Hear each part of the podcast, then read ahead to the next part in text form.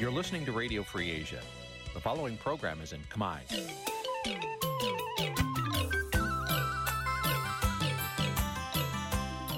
នេះជាកម្មវិធីផ្សាយ Vuthu Azizi Serai នេះជាកម្មវិធីផ្សាយរបស់ Vuthu Azizi Serai ជាភាសាខ្មែរ Vuthu Azizi Serai សូមស្វាគមន៍លោកអ្នកនាងទាំងអស់ពីរដ្ឋធានី Washington នៃសហរដ្ឋអាមេរិក បាទពីរដ្ឋធានី Washington ខ្ញុំបាទសេកបណ្ឌិតសូមជម្រាបសួរអស់លោកអ្នកនាងកញ្ញាទាំងអស់ជាទីមេត្រី បាទយើងខ្ញុំសូមជូនកម្មវិធីផ្សាយសម្រាប់រាត្រីថ្ងៃសៅរ៍6កើតខែកដិកឆ្នាំថោះបញ្ញស័កពុទ្ធសករាជ2567ត្រូវនៅថ្ងៃទី18ខែវិច្ឆិកាគ្រិស្តសករាជ2023បាទជាដំបូងនេះសូមអញ្ជើញអស់លោកនាងស្ដាប់ព័ត៌មានប្រចាំថ្ងៃដែលមានមេតិការដូចតទៅ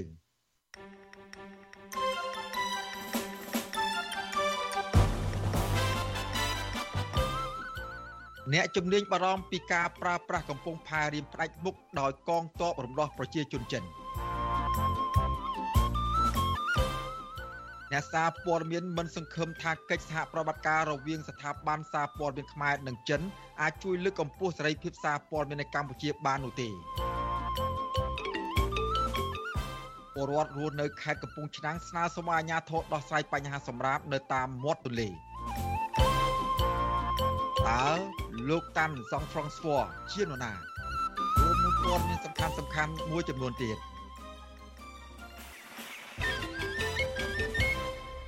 បាទជាបន្តទៅទៀតនេះខ្ញុំបាទសេកបណ្ឌិតសូមជូនព័ត៌មានពិស្ដាបាទលោកនាងកញ្ញាជាទីមេត្រីមូលដ្ឋានកងទ័ពជើងទឹកសមុទ្ររៀមដែលជាជំនួយរបស់រដ្ឋអំណាចចិន កំពុងលេចរូបរាង សំណង់អាគារជាបន្តបន្ទាប់គណៈកម្ពុជា និងចិនអះអាងថា គម្រោងទំនើបកម្មកំពុងផែសមុទ្ររៀមគ្រោងបិទបញ្ចប់ការសាងសង់នៅឆ្នាំ2024ខាងមុខ។បអ្នកជំនាញជាតិនិងអន្តរជាតិព្រួយបារម្ភអំពីការប្រើប្រាស់កំពង់ផែរៀមផ្ដាច់មុខដោយកងទ័ពរំដោះប្រជាជនចិន ដែលវាអាចបង្កបញ្ហាសន្តិសុខក្នុងតំបន់និងទាញឲ្យកម្ពុជាស្ថិតនៅក្រោមអាណានិគមនៃការអភិវឌ្ឍបែបថ្មីរបស់ប្រទេសចិន បាទសូមស្ដាប់សេចក្តីរាយការណ៍របស់លោកជាតិចំណានអំពីរឿងនេះពីរដ្ឋធានី Washington រឿងរ៉ាវជំរងចម្រាស់នៅកំពង់ផែរៀមនៅខេត្តព្រះសីហនុនៅតែជាបញ្ហាចោទដែលប្រទេសលោកស្រីនិងអ្នកជំនាញលើកឡើងអំពីការវិវត្តនៃសំណង់អគារថ្មីថ្មីនិងបន្តចោទប្រកាន់ថាមូលដ្ឋានកងទ័ពកំពង់ផែរៀមនេះនឹងក្លាយជាកម្មសិទ្ធិផ្ដាច់មុខនៃកងទ័ពរំដោះប្រជាជនចិនអ្នកតាមដានភូមិសាស្ត្រតំបន់អាស៊ីអាគ្នេយ៍និងប៉ាស៊ីហ្វិកលោកសេងវ៉ាន់លី ប្រាប់វិសុអស៊ីស្រីនៅថ្ងៃទី18ខែវិច្ឆិកាថាហេតុដែលបណ្ដាលឲ្យប្រទេសលោកខាងលិចបន្តចោទប្រកាន់ថាកម្ពុជាអនុញ្ញាតកងទ័ពចិនដាក់មូលដ្ឋាននៅលើទឹកដីខ្លួនបែបនេះដោយសារតែកម្ពុជាពុំបានធានានយោបាយអភិជាក្រិតរបស់ខ្លួននិងបង្កើតកិច្ចសហប្រតិបត្តិការជិតស្និទ្ធជាមួយនឹងចិនតែម្ខាងលោកសេម៉ាន់លីព្រួយបារម្ភថាប្រសិនបើគម្រោងកងទ័ពជើងទឹករៀមដែលបម្រើដល់យោធាចិនពិតមែននោះកម្ពុជានឹងខាត់បងធំធេងទាំងផ្នែកសេដ្ឋកិច្ច នយោបាយគណៈបណ្ដាសមាជិកអាស៊ានមួយចំនួនដែលមានចំនួនជាមួយចិនក្នុងសមុទ្រចិនខាងត្បូង កំពុងព្រួយបារម្ភពីការពង្រីកឥទ្ធិពលយោធាចិនដែលអាចបង្កការគំរាមកំហែងសន្តិសុខក្នុងតំបន់ម្យ៉ាងទៀតតំណែងជិតស្និទ្ធរវាងកងទ័ពកម្ពុជានិងកងទ័ពចិនបានបង្កើនការព្រួយបារម្ភក្នុងចំណោមប្រទេសជិតខាងអំពីការកើនឡើងនៃវត្តមានយោធារបស់ចិនក្នុងតំបន់និងសក្តានុពលរបស់ចិនក្នុងការផ្លាស់ប្ដូរទិដ្ឋភាពអំណាចការនេះបាននាំមានភាពតានតឹងកាន់តែខ្លាំងនឹងការប្រកួតប្រជែងដណ្ដើមឥទ្ធិពលក្នុងចំណោមមហាអំណាចក្នុងតំបន់ក៏ដូចជាជះផលប៉ះពាល់ដល់សន្តិសុខនិងសេរីភាពក្នុងតំបន់អាស៊ីអាគ្នេយ៍ក៏ដូចជាតំបន់ Indo-Pacific ទាំងមូលបាទ គេហទំព័រដែលបង្ហាញពីទិន្នន័យផែនដីប្រចាំថ្ងៃជាសកលនៅសហរដ្ឋអាមេរិកឈ្មោះ Planet Labs បង្ហាញថានៅចន្លោះថ្ងៃទី3ខែមករាដល់ថ្ងៃទី11ខែវិច្ឆិកាឆ្នាំ2023មូលដ្ឋានកងទ័ពសមុទ្ររៀមត្រូវបានពង្រីកការសាងសង់យ៉ាងឆាប់រហ័ស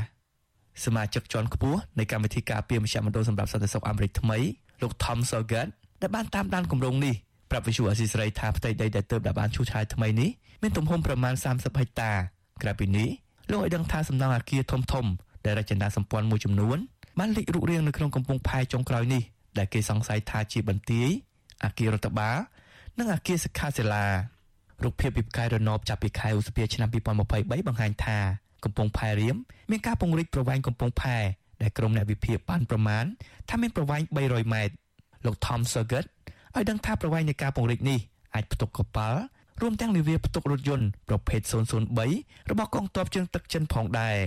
លោកជឿជាក់ថាការពង្រីកកំពង់ផែរៀមប្រមាណ300ម៉ែត្រយ៉ាងហោចណាស់នឹងជួយដល់ការប្រយុទ្ធនៅលើផ្ទៃទឹកតាមរយៈនាវាពិឃាតនិងនាវាដែលគ្រប់គ្រងផ្នែកដឹកជញ្ជូនទស្សនាបដី New Weeks ចុះផ្សាយនៅថ្ងៃទី14ខែវិច្ឆិកាដោយត្រង់ប្រសាសន៍នៃវិភាគសន្តិសុខដែនសមុទ្រលោក Hai Sutton ថាវត្តមាននៅមូលដ្ឋានកងទ័ពជើងទឹករៀមដែលសង្ស័យថាមានវត្តមានចិននោះកំពុងអភិវឌ្ឍប្រព័ន្ធហេដ្ឋារចនាសម្ព័ន្ធដែលផ្ទុកនាវាចម្បាំងនិងនាវាមុជទឹករបស់ចិនលើពីនេះលោក Sutton វិភាគថាទំហំនៃការពង្រីកប្រវែងនៅកំពង់ផែរៀមគឺជាការបញ្ជាក់ពីលទ្ធភាពនៃការប្រើប្រាស់របស់ទីក្រុងប៉េកាំងដែលកំពុងគ្រប់គ្រងដោយរដ្ឋអំណាចចិនមួយនេះសាងសង់រួចរាល់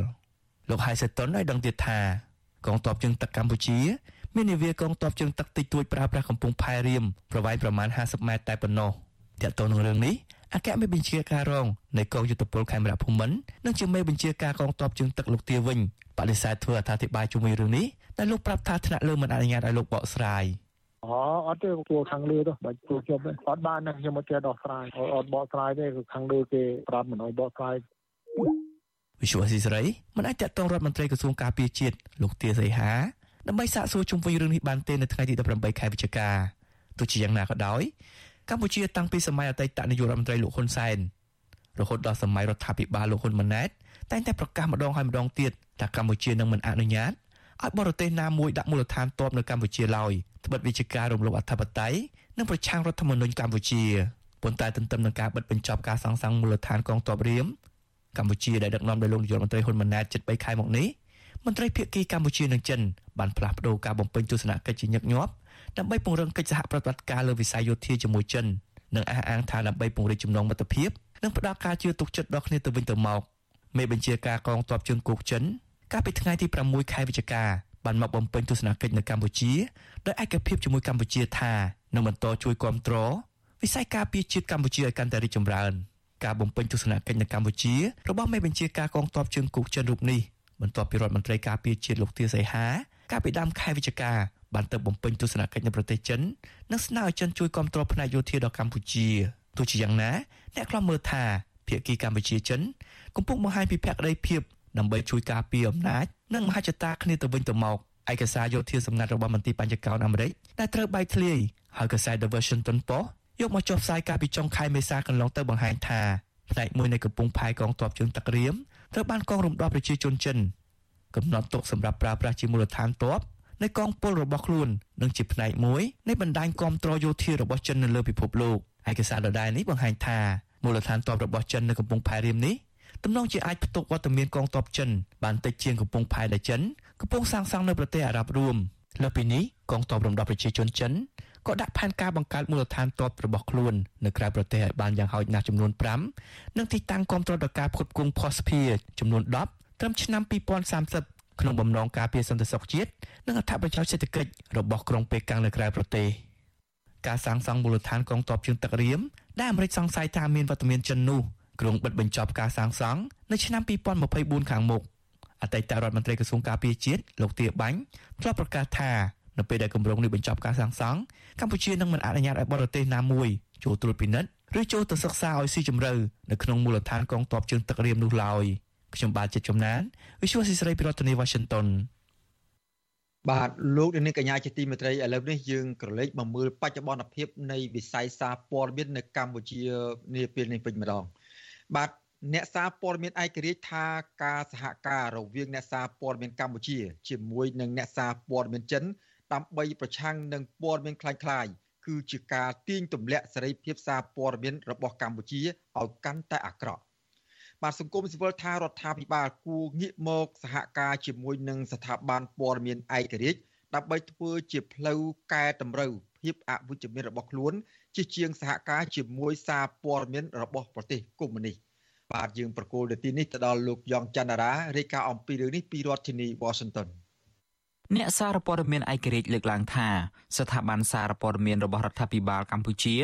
កំពុងរំកិលខ្លួនបន្តិចម្ដងបន្តិចម្ដងទៅរកការផ្សព្វផ្សាយតាមបែបកុម្មុយនីសដែលធ្វើឲ្យសេរីភាពសារព័ត៌មានកាន់តែរួមតូចជាងមុន អ្នកយកព័ត៌មានសម្លេងប្រជាធិបតេយ្យ VOD លោកសុតបានប្រាប់វិទ្យុអាស៊ីសេរីនៅថ្ងៃទី18វិច្ឆិកាថាកិច្ចសហប្រតិបត្តិការប្រព័ន្ធផ្សព្វផ្សាយកម្ពុជាចិននឹងមិនអាចជួយលើកកម្ពស់សិទ្ធិសេរីភាពផ្នែកសារព័ត៌មានបាននោះទេ លោកសង្កេតឃើញថាសារព័ត៌មានរបស់មិត្តដៃថៃចិនដែលផ្សព្វផ្សាយអំពីកម្ពុជាភាគច្រើនផ្ដោតសំខាន់ទៅលើទំនាក់ទំនងមិត្តភាពពិធីការការទូតរវាងប្រទេសទាំងពីរដោយមិនបានផ្ដោតទៅលើការរំលោភសិទ្ធិមនុស្សការបំផ្លិចបំផ្លាញធនធានធម្មជាតិនិងបរិស្ថាននិងរីគុណភាពអវិជ្ជមានរបស់រដ្ឋាភិបាលកម្ពុជា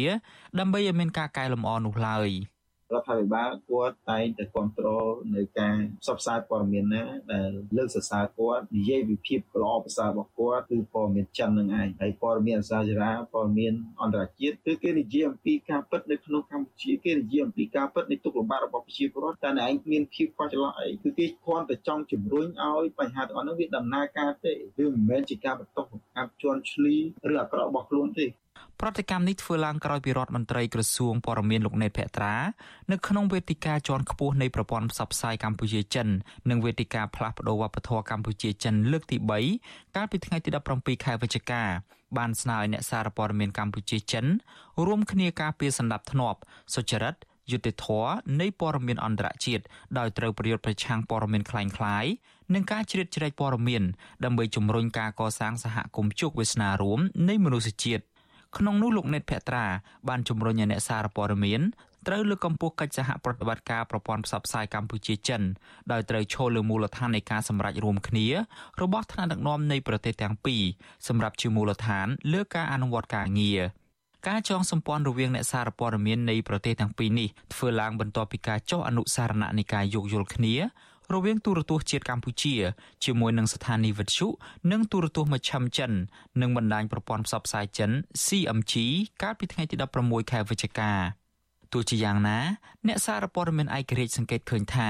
ភាគច្រើនមានតែសារព័ត៌មានរបស់ស្ថាប័នអន្តរជាតិឯករាជ្យប៉ុណ្ណោះដែលហ៊ានផ្សព្វផ្សាយលាតត្រដាងពីអំពើពុករលួយរបស់មន្ត្រីធំធំនៅក្នុងជួររដ្ឋាភិបាលអាកំបាំងនៅពីក្រោយការជួញដូរនិងបង្ខាំងមនុស្សខុសច្បាប់ខុសពីសារព័ត៌មានរបស់ចិនដែលស្ថិតនៅក្រោមការគ្រប់គ្រងរបស់គណៈបកកុម្មុយនីសតែងតែឃោសនាលើកដំកើងរដ្ឋាភិបាលខ្លួនឯងនិងលាក់បាំងការពិត។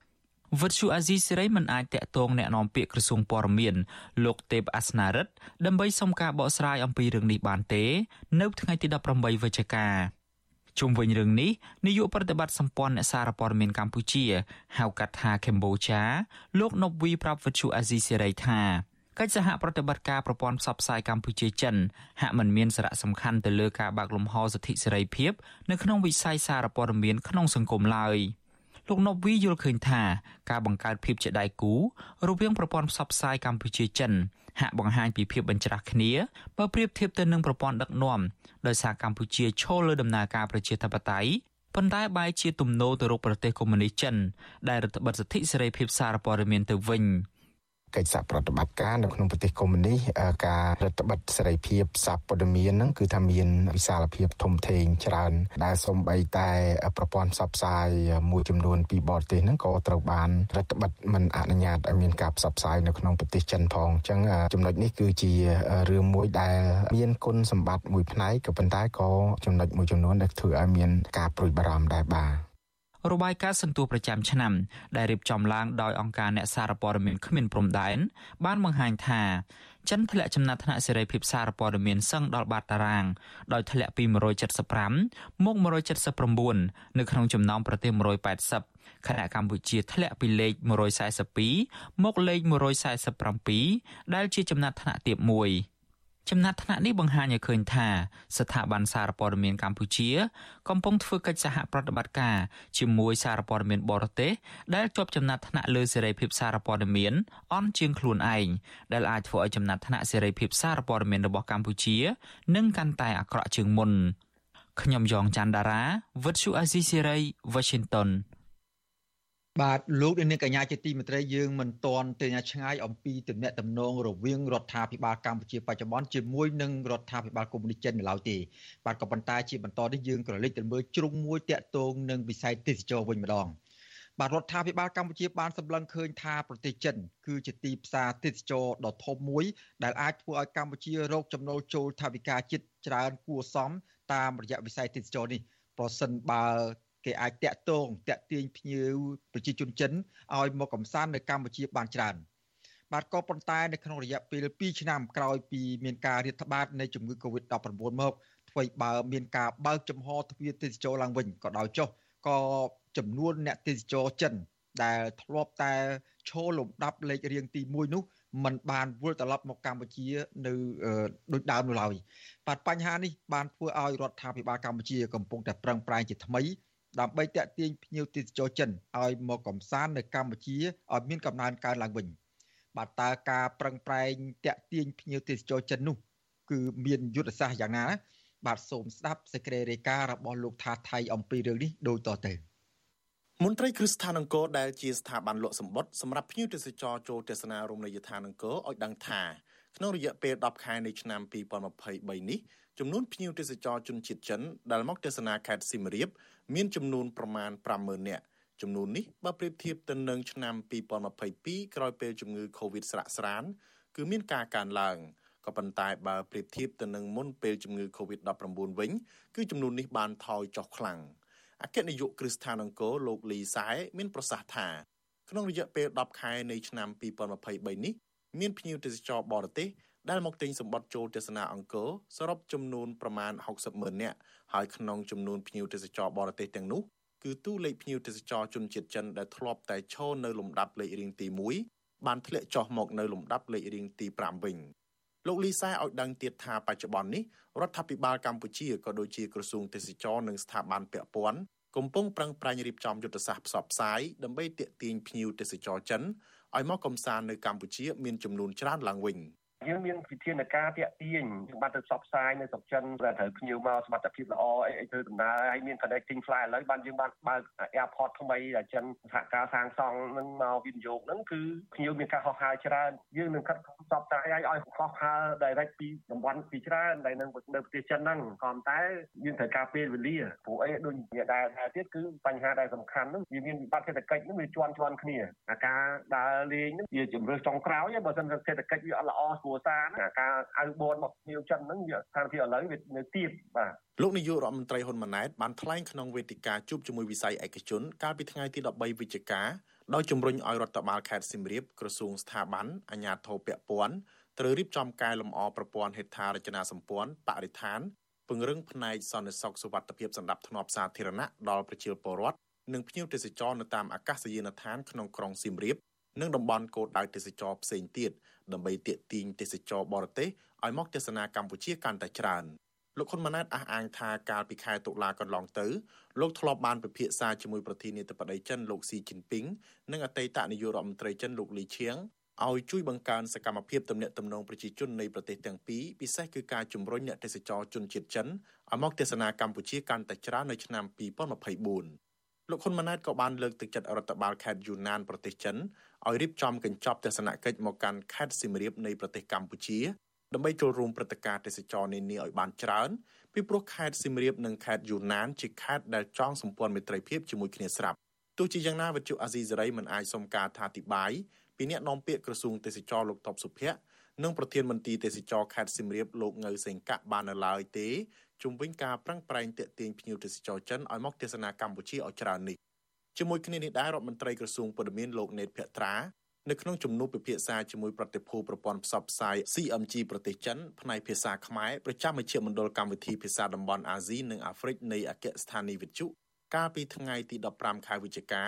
បានស្នើសុំឲ្យចិនជួយផ្សព្វផ្សាយអំពីវប្បធម៌ទំនៀមទម្លាប់និងវិស័យទេសចរព្រមទាំងភាសាខ្មែរ ទៅដល់ប្រជាជនចិនដើម្បីឲ្យបានយល់ច្បាស់អំពីប្រទេសកម្ពុជាក្នុងគោលបំណងទាក់ទាញអ្នកវិនិយោគិន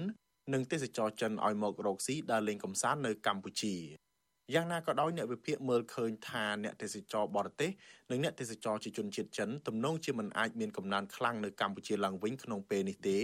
ដោយសារតែវិបត្តិសេដ្ឋកិច្ចពិភពលោកធ្លាក់ចុះបន្ទាប់ពីជំងឺ Covid-19 ស្រាកស្រានផងនិងដោយសារតែភាពភ័យខ្លាចចំពោះសន្តិសុខផ្ទាល់ខ្លួនផងនោះ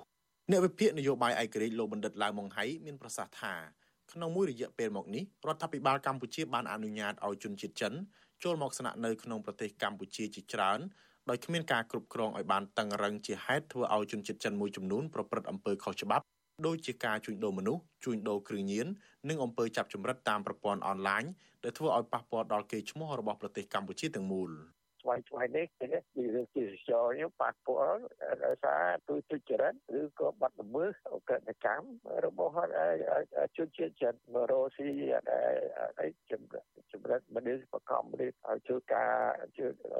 បាយឬចម្រិតគេអញ្ចឹងទៅបាទកាលពីខែកញ្ញាសារព័ត៌មានបរទេសឈ្មោះ Nike Asia ធ្លាប់បានចុះផ្សាយថាប្រទេសកម្ពុជាគឺជាជំរកសម្រាប់ក្រុមជនឆបោកតាមបណ្ដាញអ៊ីនធឺណិត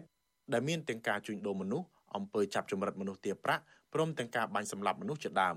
បន្ថែមពីលើនេះភាពយន្តចិនក៏បានផលិតរឿងមួយដែលមានចំណងជើងថា No More Bad ក៏បាននិយាយអាក្រក់ពីកម្ពុជានិងចាត់ទុកកម្ពុជាជាប្រទេសម៉ាហ្វៀជាកន្លែងចាប់ចម្រិតនិងជាកន្លែងធ្វើទរណកម្មមនុស្សគួរឲ្យភ័យខ្លាចដែលបញ្ហាទាំងនេះកំពុងធ្វើឲ្យកម្ពុជាជាប់កេរ្តិ៍ឈ្មោះយ៉ាងអាក្រក់ព្រមទាំងប៉ះពាល់ដល់កិច្ចខិតខំប្រឹងប្រែងក្នុងការស្ដារវិស័យឧស្សាហកម្មទេសចរឡើងវិញផងដែរ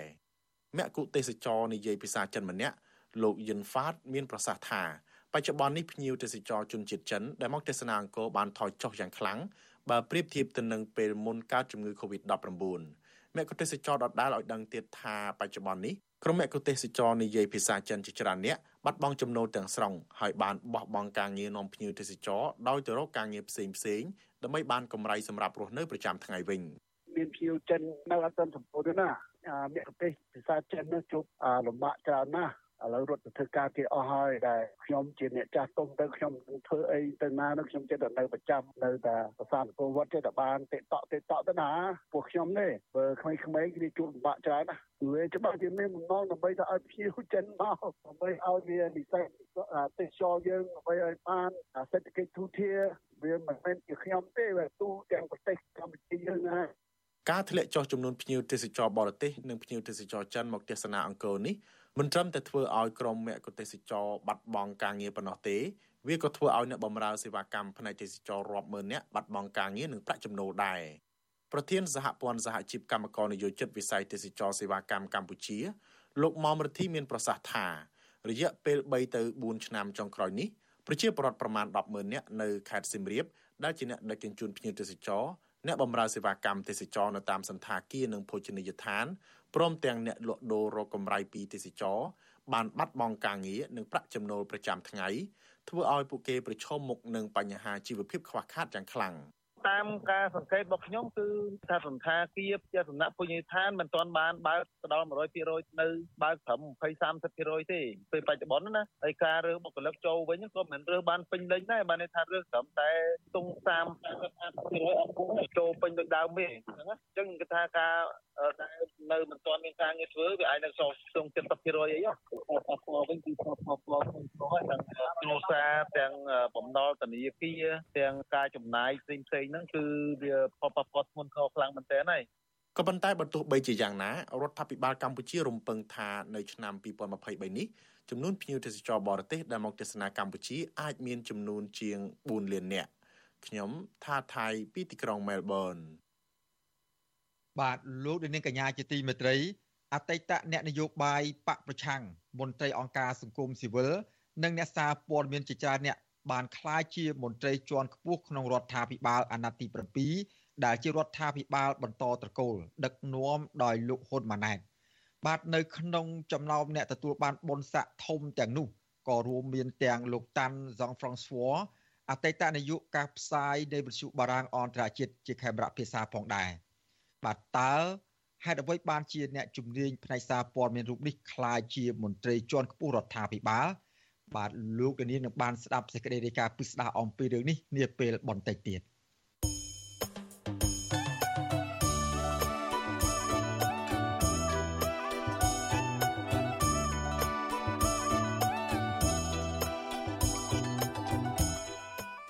លោកនាងកញ្ញាជាទីមេត្រីលោកនាងកំពុងតាមដានស្ដាប់ការផ្សាយរបស់វិទ្យុអស៊ីសេរីពីរដ្ឋធានីវ៉ាស៊ីនតោនសហរដ្ឋអាមេរិកបាទដំណើរគ្នានឹងការផ្សាយរបស់កម្មវិធីវិទ្យុអស៊ីសេរីតាមរយៈបណ្ដាញសង្គម Facebook YouTube និងប្រព័ន្ធថ្មី Telegram ជាដើមនោះលោកនាងក៏អាចស្ដាប់ការផ្សាយរបស់វិទ្យុអស៊ីសេរីតាមរយៈវិទ្យុរលកធារកាសខ្លីឬ Software បានដែរបាទពេលព្រឹកចាប់ពីម៉ោង5កន្លះដល់ម៉ោង6កន្លះតាមរយៈប៉ុស SW 93.90 MHz ស្មើនឹងកម្ពស់ 32m និងប៉ុស SW 11.85 MHz ស្មើនឹងកម្ពស់ 25m បាទចំណែកនៅឯពេលយប់ចាប់ពីម៉ោង7កន្លះដល់ម៉ោង8កន្លះតាមរយៈប៉ុស AW 93.30 MHz ស្មើនឹងកម្ពស់ 32m ប៉ុស AW 11.88 MHz ស្មើនឹងកម្ពស់ 25m និងប៉ុស AW 15.15 MHz ស្មើនឹងកម្ពស់ 20m បាទសូមអរគុណ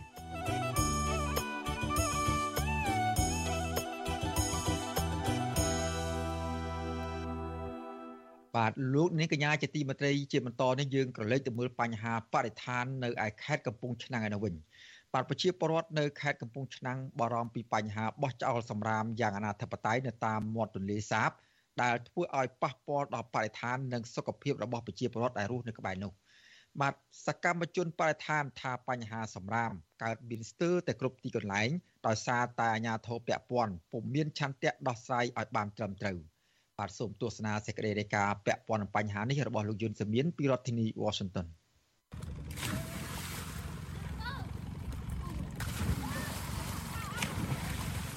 ការទុកដាក់សម្រាមពុំបានត្រឹមត្រូវធ្វើឲ្យប៉ះពាល់ដល់បរិស្ថាននិងការរស់នៅរបស់ពលរដ្ឋដែលប្រើប្រាស់ទឹកបឹងទន្លេសាបជាប្រចាំពួកគេសង្កេតឃើញថាបញ្ហាសម្រាមដែលត្រូវគេបោះចោលយ៉ាងអនាធបត័យភាគច្រើននៅក្បែរផ្សារក្រោមស្ថិតនៅសង្កាត់ផ្សារឆ្នាំង ក្រុងកំពង់ឆ្នាំងដោយពុំឃើញមានអាជ្ញាធរអើពើចុះមកសម្អាតនោះឡើយ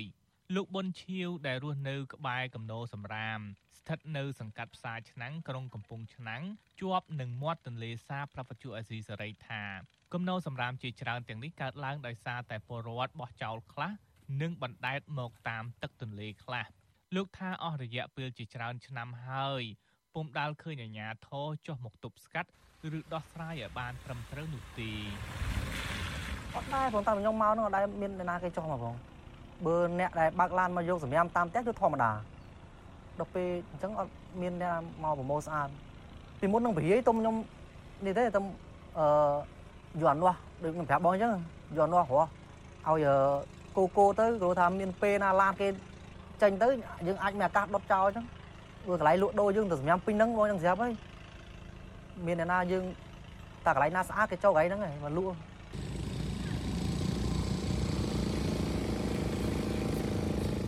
គេសង្កេតឃើញថាបញ្ហាសម្រាមនៅតាមមាត់ទន្លេភាគច្រើនកើតឡើងដោយសារតែពលរដ្ឋរស់នៅលើដីគោកបានចោលទៅក្នុងទឹកទន្លេដោយពំបានដាក់ក្នុងធុងសម្រាមបានត្រឹមត្រូវ ចំណែកមួយផ្នែកទៀតកើតឡើងមកពីពលរដ្ឋមួយចំនួន ដែលរស់នៅលើផ្ទះបណ្ដែតទឹកលើទន្លេសាប ដែលបោះចោលសម្រាមតាមតែអំពើចិត្តលោកស្រីសុកស្រីជាតិដែលជាអ្នកលក់ដូរនៅតាមផ្សារក្រោមហើយប្រើប្រាស់ទឹកទន្លេសម្រាប់ងូតនិងដាំបាយជាប្រចាំ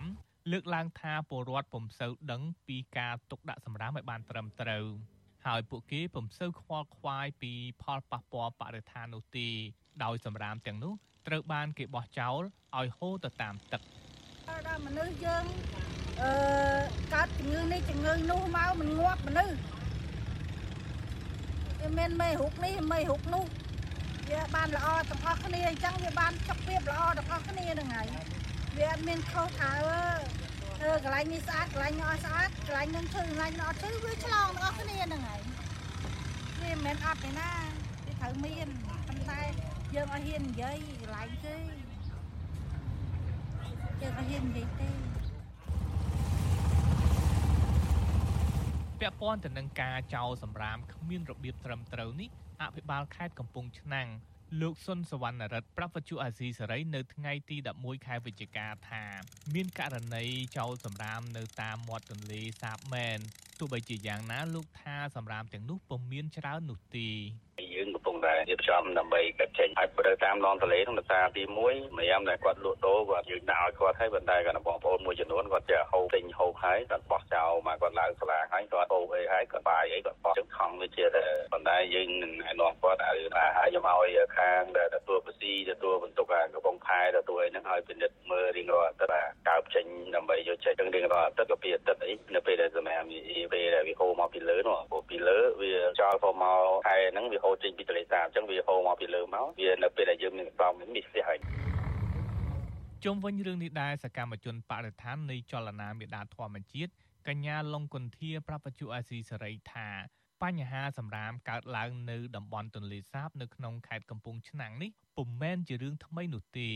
បញ្ហានេះកើតឡើងស្ទើរតែគ្រប់ទីកន្លែងដោយអាជ្ញាធរពាក់ព័ន្ធគួរតែដោះស្រាយឲ្យបានត្រឹមត្រូវមិនត្រូវរងចាំពលរដ្ឋស្នើទើបដោះស្រាយឡើយ។ ជាពិសេសសម្រាប់នៅក្នុងប្រភពទឹកយើងឃើញកន្លងមកមានបញ្ហាជាច្រើននៅតកតងជាមួយនឹងបញ្ហាសម្រាមនឹងអញ្ចឹងណាអញ្ចឹងខ្ញុំយល់ថាអាជ្ញាធរគួរតែរៀបចំទីកន្លែងសម្រាប់ទុកដាក់សម្រាមនឹងឲ្យបានត្រឹមត្រូវតាមប្រភេទនៃសម្រាមតាមរយៈការបែងចែកនៅប្រភេទសម្រាមអីជាដើមនឹងហើយក្រុមហ៊ុនដែលធ្វើការប្រមូលសម្រាមទៀតសោតវាគួរតែមានក្រុមហ៊ុនច្រើនមិនមែនតែក្រុមហ៊ុនតែមួយឬក៏ពីរដើម្បីមកធ្វើការវាបានន័យថានៅពេលដែលមានក្រុមហ៊ុនច្រើនអាការប្រកួតប្រជែងគ្នាទៅលើសេវាកម្មអីក៏វានឹងមានភាពល្អប្រសើរជាជាងដែលក្រុមហ៊ុនមានតែមួយពលរដ្ឋរស់នៅខេត្តកំពង់ឆ្នាំងតាមដងទន្លេចង់ឃើញអាជ្ញាធរខេត្តចាត់វិធានការឬពិន័យជាប្រាក់ដល់ជនណាដែលបោះចោលសម្រាម នៅតាមទីសាធារណៈនិងនៅក្នុងទឹកទន្លេឲ្យមានប្រសិទ្ធភាពជាពិសេសពលរដ្ឋដែលរស់នៅលើផ្ទះបណ្ដែតទឹកដែលតែងតែបោះចោលសម្រាមតាមតែអំពើចិត្តដែលធ្វើឲ្យប៉ះពាល់ដល់បរិស្ថាន និងសុខភាពពលរដ្ឋដែលប្រើប្រាស់ទឹកទន្លេជាប្រចាំខ្ញុំយុនសាមៀនវិទ្យុអាស៊ីសេរីប្រធានាធិបតី Washington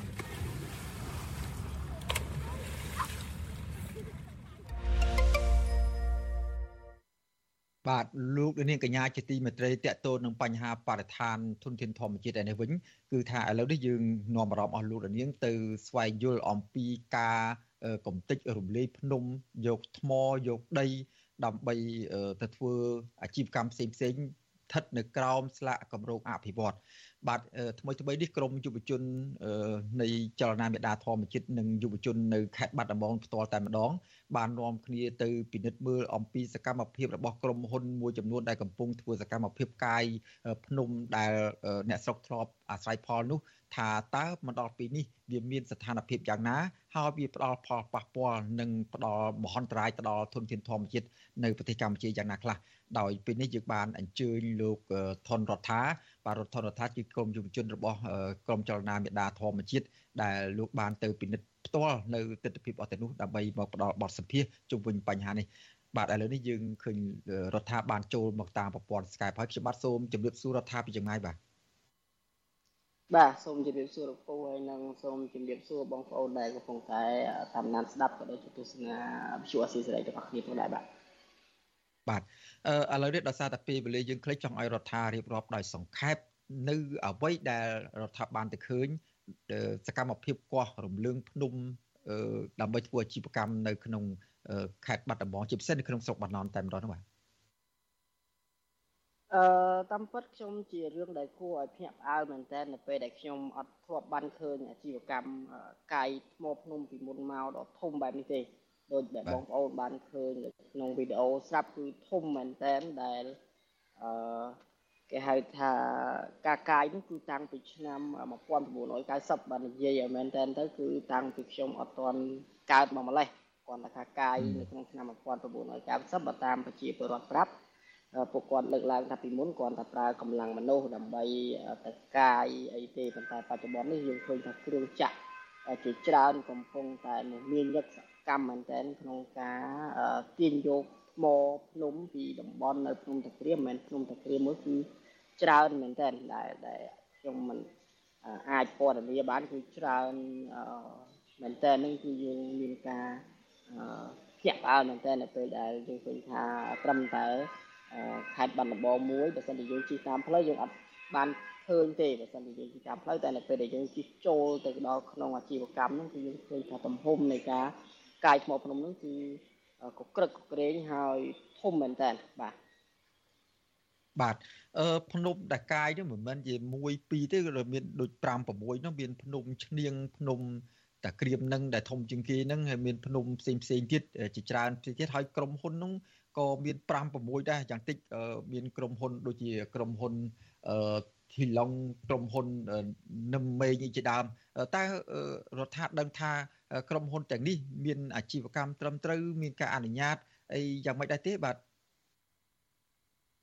អឺខ្ញុំជឿថាมันខ្វះទេអារឿងគេស្របច្បាប់ព្រោះបើសិនជាគេមិនអាចទទួលបានភ្លើងភៀវពីក្រសួងរ៉ែនិងធម្មពលឬក៏មន្ទីររ៉ែនិងធម្មពលក្នុងខេត្តបាត់ដំបងខ្ញុំថាក្រុមហ៊ុននេះมันអាចមានលទ្ធភាព ធ្វើការកាយថ្មភ្នំដ៏ច្រើនសន្ធឹកសន្ធាប់នឹងទេប៉ុន្តែអ្វីដែលជាចំណោទនោះថាតើការកាយថ្មភ្នំនេះបានធ្វើការសិក្សាពីហេតុផលប៉ះពាល់បរិស្ថាននិងសង្គមដែរទេតើតើមានការចូលរួមពិគ្រោះយោបល់ជាមួយនឹងប្រជាពលរដ្ឋដែលផ្ទាល់ដែរទេជាមួយក្រុមអង្គការសង្គមស៊ីវិលជាមួយសកម្មជនមុននឹងធ្វើការកាយនឹងដែរទេពីព្រោះតែខ្ញុំមើលឃើញថាពេលដែលខ្ញុំទៅនឹងគឺ ហុយខ្ញុំទៅជែកជាមួយអ្នកភូមិហ្នឹងគាត់ថាហុយនេះគឺយូរឆ្នាំណាស់មកហើយដែលពួកគាត់ក៏ធ្លាប់តវ៉ាហើយជាពិសេសហ្នឹងយើងឃើញថាមុខរបររបស់ប្រជាពលរដ្ឋដែលធ្លាប់អាស្រ័យផលទៅលើភ្នំទាំងអស់ដោយលើពូលើកឡើងថាមានភ្នំមិនមិនមែនតែមួយទេច្រើនភ្នំមែនតើដែលទៅបានកាយហើយកាយមិនមែនកាយតិចតួចទេមានកន្លែងខ្លះហ្នឹងកាយរហូតទៅដល់ខាងក្រោមមានជាអាងទឹក ជំរៅជ្រៅមែនតើដែលពីមុនជាភ្នំឥឡូវនេះខ្លាចទៅជាដូចដូចជាស្ទឹងមួយដែលជាអូបលាយមួយធំមែនតើហើយបាទដោយដែលនៅក្នុងវីដេអូបង្ហាញអញ្ចឹងហើយដែលគេហៅថាកាកាយចំនួនច្រើនហើយពលរដ្ឋហ្នឹងគឺអ្នកខ្លះក៏ទៅភាកច្រើនណាស់ទៅបានចំណាក់ស្រុកហើយក៏មិនអាចបកបរបរដែលពួកគាត់ធ្លាប់អាស្រ័យផលពីមុនពួកខ្ញុំទៅជែកជាមួយអ្នកភូមិហ្នឹងឲ្យតែដល់ខែវស្សាឬក៏ខែណាដែល មានអនុផលតាក់ទងទៅនឹងការដែលពួកគាត់ចូលភ្នំដើម្បីជួយឲ្យសម្រាលដល់ជីវភាពរបស់ពួកគាត់ដូចជាបោចវររោគត្រពាំងក៏ដូចជាមានករណីផ្សេងផ្សេងជាដើមទៀតហ្នឹងឥឡូវហ្នឹងពួកគាត់មិនមានលទ្ធភាពធ្វើទេហើយខ្ញុំមិនឃើញសូវមានប្រជាជនរស់នៅតំបន់នោះទេដែលគាត់ប្រាប់ថាពីមុនរស់នៅច្រើនណាស់ដោយសារតែឥឡូវនេះគឺมันអាចបន្តរស់នៅបានទៀតទេព្រោះតែសំឡេងរំខាននៃការបំផ្ទុះថ្មភ្នំ ហុយតាក់ទងទៅនឹងឡានដឹកជញ្ជូនអីជាដើមហ្នឹងដែលធ្វើឲ្យពួកគាត់ហ្នឹងมันអាចបន្តរស់នៅហើយនឹងចាប់ផ្ដើមនាំគ្នាចាក់ចេញពីភូមិឋាននឹងនាំគ្នាជាពិសេសហ្នឹងទៅចំណាក់ស្រុកនៅប្រទេសថៃបាទបាទចំណុចមួយទៀតតែងតែលើកបង្ហាញជាហេតុផលនៅពេលដែលមានអង្គការសង្គមស៊ីវិលឬមួយក៏ប្រជាពលរដ្ឋរិះគន់អំពីការផ្ដល់គម្រោងអភិវឌ្ឍទៅលើ ភ្នំទៅលើទលេទៅលើអីជាដើមនេះខាងក្រសួងខាងអ្នកជំនាញឬមួយក៏រដ្ឋាភិបាលតែងតែឆ្លើយតបថាការផ្ដល់ការអភិវឌ្ឍនេះដោយសារតែមើលឃើញព្រៃឬក៏ដីឬក៏ភ្នំនឹងអស់លទ្ធភាពអស់សក្តានុពលសម្រាប់ផ្ដល់ជាប្រយោជន៍ទៅដល់ប្រជាពលរដ្ឋដោយការពីមុនដោយការពីរដ្ឋាភិបាលរៀបចំបាច់មិញនេះភ្នំនេះធ្លាប់ផ្ដល់ជាអនុផលប្រៃឈើផ្ដល់ជាការរកទទួលទាន ជាកន្លែងខ្វៀលគូកបីជាសពសារពើទាំងអស់សម្រាប់ឲ្យរស់ប្រចាំជីវិតរបស់ប្រជាពលរដ្ឋក៏ប៉ុន្តែក្រោយមកថាអស់លទ្ធភាពអញ្ចឹងហើយវាលែងមានសក្តានុពលអញ្ចឹងហើយបានគេទុកទៅអត់ចំណេញក៏ប្រគល់ទៅឲ្យក្រុមហ៊ុនអភិវឌ្ឍអញ្ចឹងតាមរយៈការរដ្ឋាចុះទៅមើលផ្ទាល់ហ្នឹងតើពិតជាទីតាំងអស់ទៅនឹងពិតជាបាត់បង់សមត្ថភាពការផ្គត់ផ្គង់ទៅដល់ប្រជាពលរដ្ឋដោយការពីមុនអញ្ចឹងមែនឬមួយក៏យ៉ាងម៉េចដែរ ខ្ញុំថារឿងសាមញ្ញទេយើងតែប៉ិតប្រជាពលរដ្ឋខ្មែរគាត់លើសពីដឹងហើយថាជាច្រើនហ្នឹងគឺជាតែងតែកុហកយើងពីពីការប៉ិតដែលកើតមានជាពិសេសដើម្បីចង់បំផ្លាញធនធានធម្មជាតិរបស់យើងហ្នឹងគឺតែងតែលើកឡើងថាកន្លែងហ្នឹងគឺលេងផ្ដល់ធនធានសម្រាប់អឺប្រយោជន៍រួមហើយ គឺត្រូវតែចេញអនុក្រឹត្យឬក៏ធ្វើយ៉ាងណា មានការអភិវឌ្ឍដើម្បីចំណេញមកដល់សេដ្ឋកិច្ចជាតិប៉ុន្តែជាក់ស្ដែងដែលយើងទៅឃើញផ្ទាល់ហ្នឹងអឺទ្រព្យសម្បត្តិធនធានធម្មជាតិរបស់យើងទាំងអស់គ្នាហ្នឹងគឺមិនមែនមិនត្រឹមតែបាត់បង់ទេគឺបានផ្ដល់គេហៅថាប្រយោជន៍រួមមែនទែនសម្រាប់សាធារណជនដូចជាក់ស្ដែងនៅភ្នំតាក្រៀមនឹងមុននឹងមានការកាយភ្នំនឹងគឺប្រជាជនថាពួកគាត់នឹងគឺស្ទើរតែ ជីវិតរបស់ពួកគាត់នឹងគឺពឹងអាស្រ័យផលទៅលើភ្នំតែឃើញភ្នំក្បែរក្បែរហ្នឹងដែលមិនទាន់មានការកាយហ្នឹងគឺមានសភាពស្រស់ស្អាតមែនទែនដែលអាចតាក់ទាញបំរើមកដល់វិស័យទេសចរហើយដូចតែយើងដឹងថាខេត្តបាត់ដំបងគឺជាខេត្តដែលជាខេត្តបុរាណជាខេត្តប្រវត្តិសាស្ត្រដែលអ្នកណាក៏ស្គាល់ហើយតាក់ទាញទេសចរខ្ញុំទៅនឹងក៏ឃើញទេសចរជាតិនិងអន្តរជាតិទៅច្រើនមែនទែនហើយជាពិសេសហ្នឹងយើងឃើញថា តំបន់ភ្នំតាក្រៀមនឹងនៅក្បែរភ្នំបាណន់ដែលអាចថាបើសិនជិះពីក្រុងបាត់ដំបងនឹងត្រឹមតែប្រហែលជា25ទៅ30គីឡូឯងពីពីក្រុងបាត់ដំបងទៅដល់ហើយទេសភាពគឺស្រស់ស្អាតមែនទែនអញ្ចឹងបើសិនជាយើងកែប្រែតំបន់ហ្នឹងទៅជាតំបន់ទាក់ទាញទេសចរទៅជាតំបន់ដែលផ្ដល់ចំណូលសម្រាប់ប្រជាជនគឺល្អប្រសើរជាងការកាយភ្នំហើយខ្ញុំឃើញថាការកាយភ្នំហ្នឹងអត់ចំណេញ អីសោះមកដល់ប្រជាពលរដ្ឋដែលរស់នៅតំបន់ហ្នឹងគឺតែពីផលប៉ះពាល់ដែលគាត់លោហើយគាត់ក៏ធ្លាប់ធ្វើការតវ៉ាទាមទារឲ្យមានការឈប់ធ្វើអាជីវកម្មនឹងដែរប៉ុន្តែដោយលោកពូដូចបងប្អូនបានដឹងឯនៅពេលដែលមានអ្នកណាដែលហ៊ាននិយាយការពិតមានអ្នកណាដែលហ៊ានលើកឡើងពីក្តីកង្វល់ហ៊ានហ៊ានទាមទារតវ៉ាហ្នឹងគឺតែងតែមិនដោះស្រាយហើយថែមទាំងគម្រាមកំហែងទៀតចេតនាដើម្បីមិនចង់ឲ្យពួកយើងទាំងអស់គ្នានឹងខ្វាយខ្វល់ឬក៏ ហ៊ាននិយាយអ្វីដែលជាការពិតអំពីបញ្ហាបរិស្ថានដែលគេមិនចង់ឲ្យយើងដឹងព្រោះគេចង់កុហកយើងហើយកុហកសម័យនេះខ្ញុំថាកុហកអត់បានទេពីព្រោះតែមានយុវជនមានប្រជាពលរដ្ឋជាច្រើនដែរដែលកំពុងតែខ្វល់ខ្វាយដែលកំពុងតែហ៊ាននិយាយការពិតអំពីបញ្ហាទាំងអស់ហ្នឹងអញ្ចឹងដូចជាក់ស្ដែងដែលយើងបានធ្វើហ្នឹងគឺយើងមិនជឿទៅលើអ្វីដែលគេប្រាប់យើងយើងនឹងទៅឃើញផ្ទាល់ហើយយើងនឹងបង្ហាញជូនសាធារណជនឲ្យបានឃើញដូចយើង ពីការពិតដែលកើតមានចំពោះធនធានធម្មជាតិនៅក្នុងប្រទេសរបស់យើងបាទបាទអរគុណដែលយើងកំពុងផ្សាយនេះក៏មានលោកអ្នកស្ដាប់ជាច្រើនបានខមមិនបានបញ្ចេញមតិយោបល់ទៅលើ បណ្ដាញសង្គម Facebook ឬមួយក៏ YouTube ដែលយើងកំពុងផ្សាយនៅពេលនេះថាការកាយភ្នំរំលាយភ្នំធ្វើអាជីវកម្មយកថ្មយកដីយកទៅលក់នឹងមិនមែនតែមាននៅក្នុងខេត្តបាត់ដំបងមិនមែនមាននៅនៅក្នុងស្រុកបាណន់នៅមួយទេនៅខេត្តប្រទេសមានជ័យនៅកំពង់ស្ពឺនៅខេត្តដទៃទៀតហ្នឹងក៏មានដែរហើយភ្នំមួយចំនួនហ្នឹងគឺទោះបីជាមិនមានទំហំធំធេងដូចភ្នំបាណន់ភ្នំប្រសិទ្ធឬក៏ភ្នំស្រួចឬក៏ភ្នំស្រង់អីជាដើមមែនក៏ប៉ុន្តែ ជាភ្នំនោះដែលមានទំហំរាប់សិបហិកតាហើយជាកន្លែងដែលប្រជាពលរដ្ឋធ្លាប់អាស្រ័យផលដោយរដ្ឋាភិបាលលើកឡើងពីខាងដើមហើយជាពិសេសនោះជាកន្លែងបងបត់កន្លែងអ្នកតារុកអរិយអ្នកតាដែលប្រជាពលរដ្ឋគាត់មានជំនឿទៅបន់ស្រន់គ្រប់តាមប្រពៃណីសុំសេចក្តីសុខអីរបស់គាត់តាំងពីបរមរាមរាប់សិបដំណមកហើយក៏ត្រូវកាយរំលាយខ្ទេចខ្ទីអស់ដែរហើយពួកគាត់បានបញ្ចេញមតិអ្នកខ្លះទៀតក៏បានបញ្ចេញមតិដែរថាកម្ពុជាមាន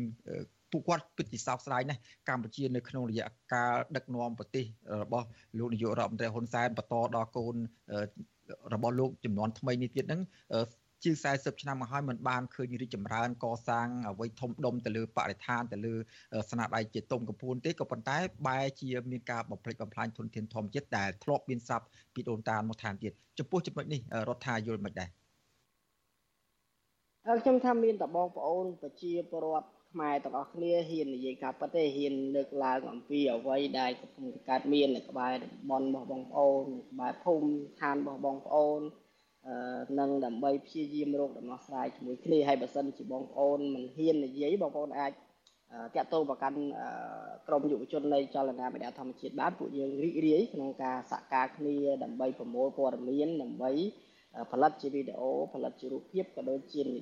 យាយជាសាធារណៈជាមួយនឹងអ្នកសារព័ត៌មានដូចថ្ងៃនេះខ្ញុំជជែកជាមួយនឹងអាស៊ីសេរីដើម្បីបង្ហាញការពិតហើយជាពិសេសហ្នឹងពួកយើងក៏នឹងព្យាយាមអស់លទ្ធភាពក្នុងការចុះទៅដល់មូលដ្ឋានផ្ទាល់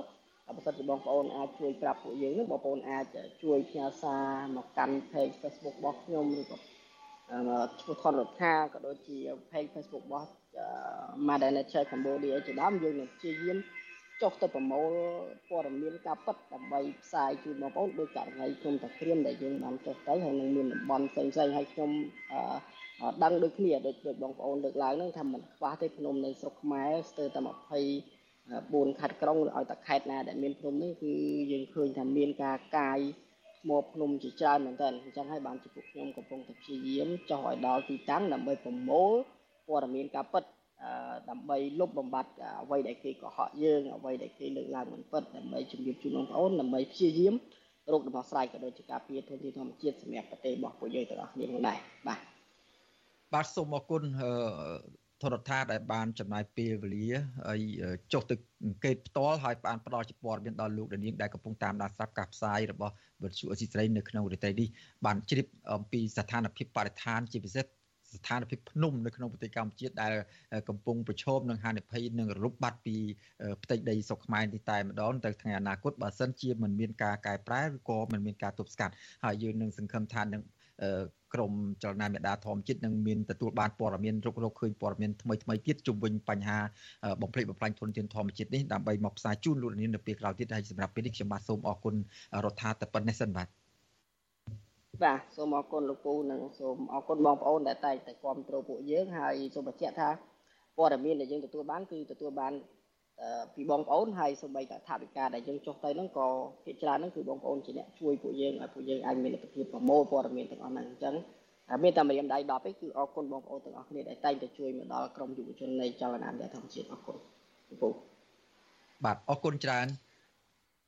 បាទបាទលោកនាងកញ្ញាជាទីមេត្រីជាបន្តទៅទៀតនេះយើងមកតាមដានជីវប្រវត្តិសង្ខេបរបស់លោកតាន់សង់ហ្វ្រង់ស្វ័រ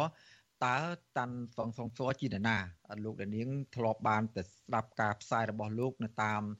វិទ្យុបារាំងអន្តរជាតិឥឡូវនេះយើងមកស្គាល់ពីប្រវត្តិលោកខ្លះៗបាទអតីតអ្នកសារ បាទអតីតអ្នកនយោបាយបកប្រឆាំងមន្ត្រីអង្គការសង្គមស៊ីវិលនិងអ្នកសារព័ត៌មានជាច្រើនអ្នកបានក្លាយជាមន្ត្រីជាន់ខ្ពស់ក្នុងរដ្ឋាភិបាលអាណត្តិទី7ដែលជារដ្ឋាភិបាលបន្តត្រកូលដឹកនាំដោយលោកហ៊ុនម៉ាណែតបាទនៅក្នុងចំណោមអឺក្រុមអ្នកទទួលបានបុណ្យស័ក្តិទាំងនោះក៏រួមមានទាំងលោកតាន់សងហ្វ្រង់ស្វ័រមួយរូបដែរដែលជាអតីតនាយកការផ្សាយនៃវិទ្យុបារាំងអន្តរជាតិជាខេមរៈភាសាផងដែរ បាទតើមូលហេតុអ្វីបានជាអ្នកជំនាញផ្នែកសារព័ត៌មានរូបនេះក្លាយជាមន្ត្រីជាន់ខ្ពស់របស់រដ្ឋាភិបាលបាទសូមប្រកូលនាទីនេះដល់លោកយ៉ងច័ន្ទរាដើម្បីរៀបរាប់អំពីរឿងនេះជូនលោកនាងដូចតទៅលោកតាន់សង់ហ្វ្រង់ស្វ័រឬសង់ហ្វ្រង់ស្វ័រតាន់គឺជាអ្នកជំនាញផ្នែកសារព័ត៌មានដើម្បីឈ្មោះមួយរូបដែលបានចូលបម្រើរដ្ឋាភិបាលបន្តជំនាន់នៃត្រកូលហ៊ុន លោកហាក់មានទំនោរទៅរករដ្ឋាភិបាលគណៈបកប្រជាជនកម្ពុជាជាយូរមកហើយតាមរយៈការអត្ថាធិប្បាយព័ត៌មាននិងទំនាក់ទំនងដ៏ជិតស្និទ្ធរបស់លោកជាមួយនឹងមន្ត្រីកម្ពូលកម្ពូលនៃរដ្ឋាភិបាលលោកសងហ្វ្រង់ស្វ័រមានអាយុ57ឆ្នាំលោកកើតនៅក្នុងស្រុកមុងឫស្សីខេត្តបាត់ដំបង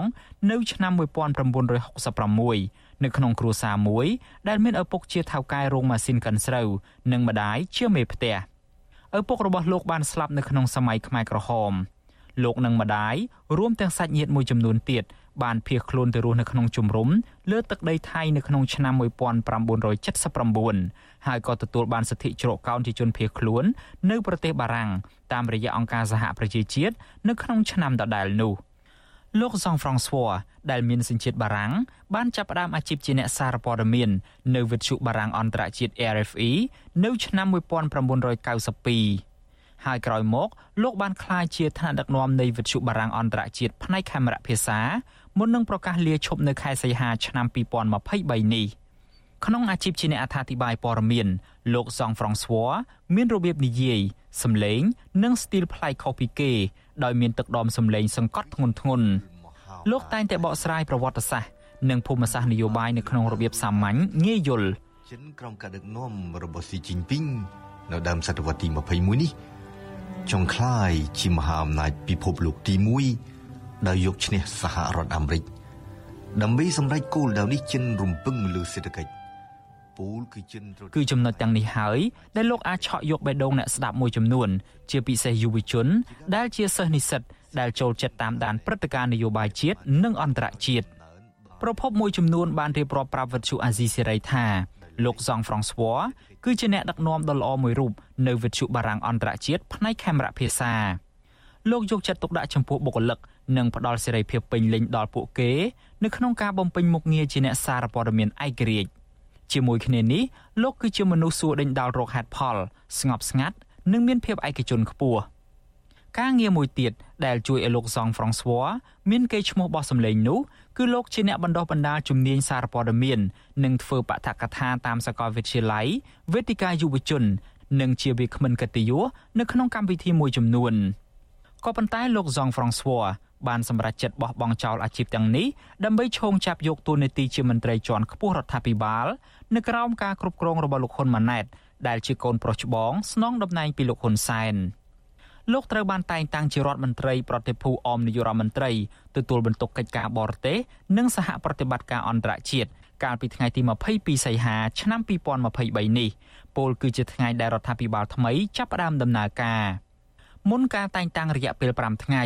លោកសង់ហ្វ្រង់ស្វ័របានជួបជាមួយនឹងលោកហ៊ុនសែនអស់រយៈពេលជាង4ម៉ោងហើយលោកបានចាត់ទុកជំនួបនេះថាជាកិត្តិយសនិងជាឱកាសដ៏វិសេសវិសាលសម្រាប់លោកលោកសង់ហ្វ្រង់ស្វ័រទំនងជាបានរៀបចំខ្លួនជាយូរមកហើយដើម្បីឈោងចាប់យកតួនាទីជាមន្ត្រីធំនៅក្នុងជួររដ្ឋាភិបាលនេះកាលពីខែសីហាឆ្នាំ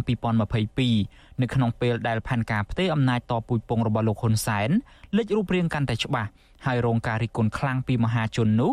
លោកសង់ហ្វ្រង់ស្វ័រខណៈកំពុងកាន់តួនាទីជានាយកការផ្សាយនៃវិទ្យុបារាំងអន្តរជាតិ RFE ផ្នែកកាមេរ៉ាភាសានោះបានថ្លែងនៅក្នុងកិច្ចពិភាក្សាជាសាធារណៈមួយថា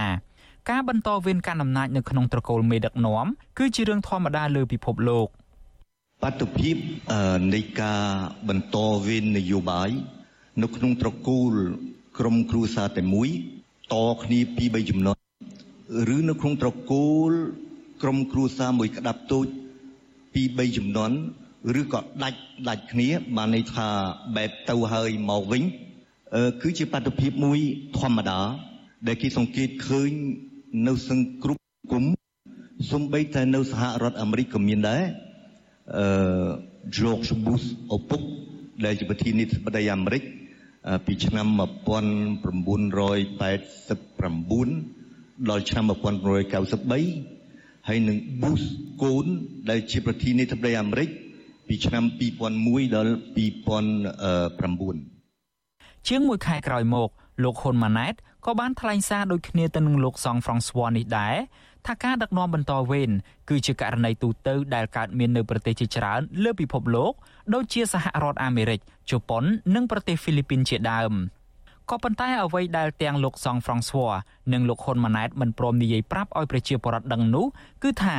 ការដែលត្រកូលអ្នកដឹកនាំទាំងនោះមានឱកាសដឹកនាំប្រទេសគឺដោយសារតែការបោះឆ្នោតតាមលក្ខណៈប្រជាធិបតេយ្យសេរីនិងយុត្តិធម៌ពលគឺមិនមែនតាមរយៈការប្រើប្រាស់តុលាការដើម្បីរំលាយនិងផាត់ចោលគណៈបកប្រឆាំងហើយផ្ទេរអំណាចពីឪពុកទៅកូនដូចនៅកម្ពុជានោះទេចំណុចមួយទៀត ដែលអាចឆ្លោះបញ្ចាំងពីជំហរនិងគោលដៅនយោបាយរបស់លោកសង់ហ្វ្រង់ស្វ័ននោះគឺការអត្ថាធិប្បាយព័ត៌មានរបស់លោកភាគច្រើនផ្ដោតតែទៅលើព្រឹត្តិការណ៍តំបន់និងអន្តរជាតិចំពោះបញ្ហានយោបាយរសើបឬក៏ព័ត៌មានក្តៅក្តៅនិងជំរងចម្រាស់នៅកម្ពុជាវិញខ្លួនលោកផ្ទាល់មិនសូវលើកយកមកផ្សាយឬក៏ធ្វើអត្ថាធិប្បាយនោះទេជាមួយគ្នានេះលោកហាក់ព្យាយាមនិយាយបញ្ជា ឬក៏និយាយសារសើរ ចំពោះវិបត្តិនានាដែលកំពុងកើតមាននៅកម្ពុជា ដូចជាករណីរំលោភសិទ្ធិមនុស្សធ្ងន់ធ្ងរអំពើអយុត្តិធម៌សង្គមនិងការបំផ្លាញលទ្ធិប្រជាធិបតេយ្យប្រព្រឹត្តដោយរដ្ឋាភិបាលជាដើមអ្នកជំនាញផ្នែកភូមិសាស្ត្រនយោបាយបណ្ឌិតរោវណ្ណៈគឺជាបញ្ញវន្តមួយរូបដែលបានតាមដានការវិភាគនិងសំណេររបស់លោកសង់ហ្វ្រង់ស្វ័រទាំងនៅក្នុងសៀវភៅនិងនៅលើបណ្ដាញសារព័ត៌មានលោកយល់ឃើញថាស្នាដៃទាំងនោះគឺគួរឲ្យចាប់អារម្មណ៍ ក៏ប៉ុន្តែមានលក្ខណៈត្រឹមតែជាការពណ៌នាមិនមែនបែបសិក្សាធិការដែលអាចយកជាសំអាងសម្រាប់អ្នកសិក្សាស្រាវជ្រាវបាននោះទេបញ្ហាតកតនឹងកម្ពុជាគឺភាគច្រើន គឺមិនសូវជាមុតស្រួចដោយសារតែកត្តាស្អីខ្លះយើងមិនដឹងដែរនៅក្រៅឆាកប៉ុន្តែអាចមួយក្នុងនោះគឺដោយសារតែភាពស្និទ្ធរបស់គាត់ជាមួយនឹងអ្នកកាន់អំណាចឬជាមួយនឹងរដ្ឋាភិបាលនៅពេលអនាគតហើយក្រោយមកនៅពេលដែលគាត់ចូលរដ្ឋាភិបាលគេអាចវា ចែកបានថាចំហនិងអេយ៉ាបតរបស់គាត់នៅពេលដែលគាត់ជាកសែតហ្នឹងគឺស្របគ្នានឹងការបម្រើនៃរបៀបវិរៈឬក៏នយោបាយរបស់រដ្ឋាភិបាលអញ្ចឹងណាបាទលោកសង់ហ្វ្រង់ស្វ័រមានទំនាក់ទំនងយ៉ាងជិតស្និទ្ធជាមួយក្រុមមន្ត្រីក្រាក់ក្រាក់នៃរដ្ឋាភិបាលកម្ពុជាមានដូចជាអតីតរដ្ឋមន្ត្រីក្រសួងការបរទេសលោកប្រាក់សុខុនរដ្ឋមន្ត្រីថ្មីនៃក្រសួងការបរទេសលោកសុកចិន្តាសុភារដ្ឋមន្ត្រីក្រសួងយុតិធធលោកកើតរិទ្ធ និងរដ្ឋមន្ត្រីក្រសួងកសិកម្មលោកដិតទីណាជាដើមលោកសង់ហ្វ្រង់ស្វ័រចាប់ផ្ដើមបង្ហាញពីទំនាក់ទំនងល្អរបស់លោកជាមួយនឹងមន្ត្រីជាន់ខ្ពស់រដ្ឋាភិបាលនេះនៅពេលដែលលោកបានក្លាយជាមន្ត្រីធំដោយពួកគេដែរម្យ៉ាងវិញទៀតក្រោយពេលបានឡើងធ្វើធំភ្លាមលោកសង់ហ្វ្រង់ស្វ័រក៏ចាប់ផ្ដើមរៀនចេះនិយាយបញ្ចែកបញ្ចើមេថ្មីរបស់លោកដោយមន្ត្រីផ្សេងផ្សេងទៀតដែរលោកបានលើកសរសើរលោកហ៊ុនម៉ាណែតថាជាមេដឹកនាំថ្មីដែលមានសន្តានចិត្តល្អ គិតគូរពីសុខទុក្ខរបស់អ្នកដែលមានជីវភាពលំបាកលំបិននៅក្នុងសង្គមដូចជាកម្មករកម្មការិនីក្រុមអ្នកប្រកបរបរសេដ្ឋកិច្ចក្រៅប្រព័ន្ធនិងអ្នករស់នៅតាមស្រុកស្រែចម្ការលោកសង់ហ្វ្រង់ស្វ័រពោលពាក្យសរសើរបែបនេះក្រោយពីលោកហ៊ុនម៉ាណែតបានប្រកាសដាក់ចេញនៅយុទ្ធសាស្ត្របញ្ចកោណនិងក្រោយពេលនាយករដ្ឋមន្ត្រីថ្មីរូបនេះបានចុះជួបកម្មករជាលើកដំបូងដើម្បីឃោសនានយោបាយនាយកប្រតិបត្តិសមាគមសម្ព័ន្ធអ្នកសារព័ត៌មានកម្ពុជា ហៅកាត់ថាកម្ពុជាលោកណប់វីប្រាប់វិទ្យុអាស៊ីសេរីថាការចូលរួមរបស់លោកសង់ហ្វ្រង់ស្វ័រនៅក្នុងរដ្ឋាភិបាលថ្មីនេះគឺជាជំរើសផ្ទាល់ខ្លួនអ្នកដែលសម្រាប់ចិត្តចូលរួមនៅក្នុងជួររដ្ឋាភិបាលខ្ញុំគិតថាគឺជាជំរឿសរបស់ពួកគាត់ទៅតាមអ្វីដែលពួកគាត់យល់ឃើញថាត្រឹមត្រូវប៉ុន្តែចំណុចដែលសំខាន់គឺថាថាតើពួកគាត់នឹងចូលរួមនៅក្នុងការជួយជ្រោមជ្រែងរដ្ឋាភិបាលដើម្បីអាចនឹងធ្វើកិច្ចការងារឲ្យកាន់តែល្អប្រសើរចំពោះកិច្ចការងារមួយចំនួនដោយរឿងតាក់ទងជាមួយនឹងសិទ្ធិមនុស្សរឿងតាក់ទងនឹងសេរីភាពបញ្ចេញមតិសេរីភាពសារព័ត៌មានឬក៏ការងាររបស់អ្នកសារព័ត៌មានយើងហ្នឹងគឺបានកម្រិតណា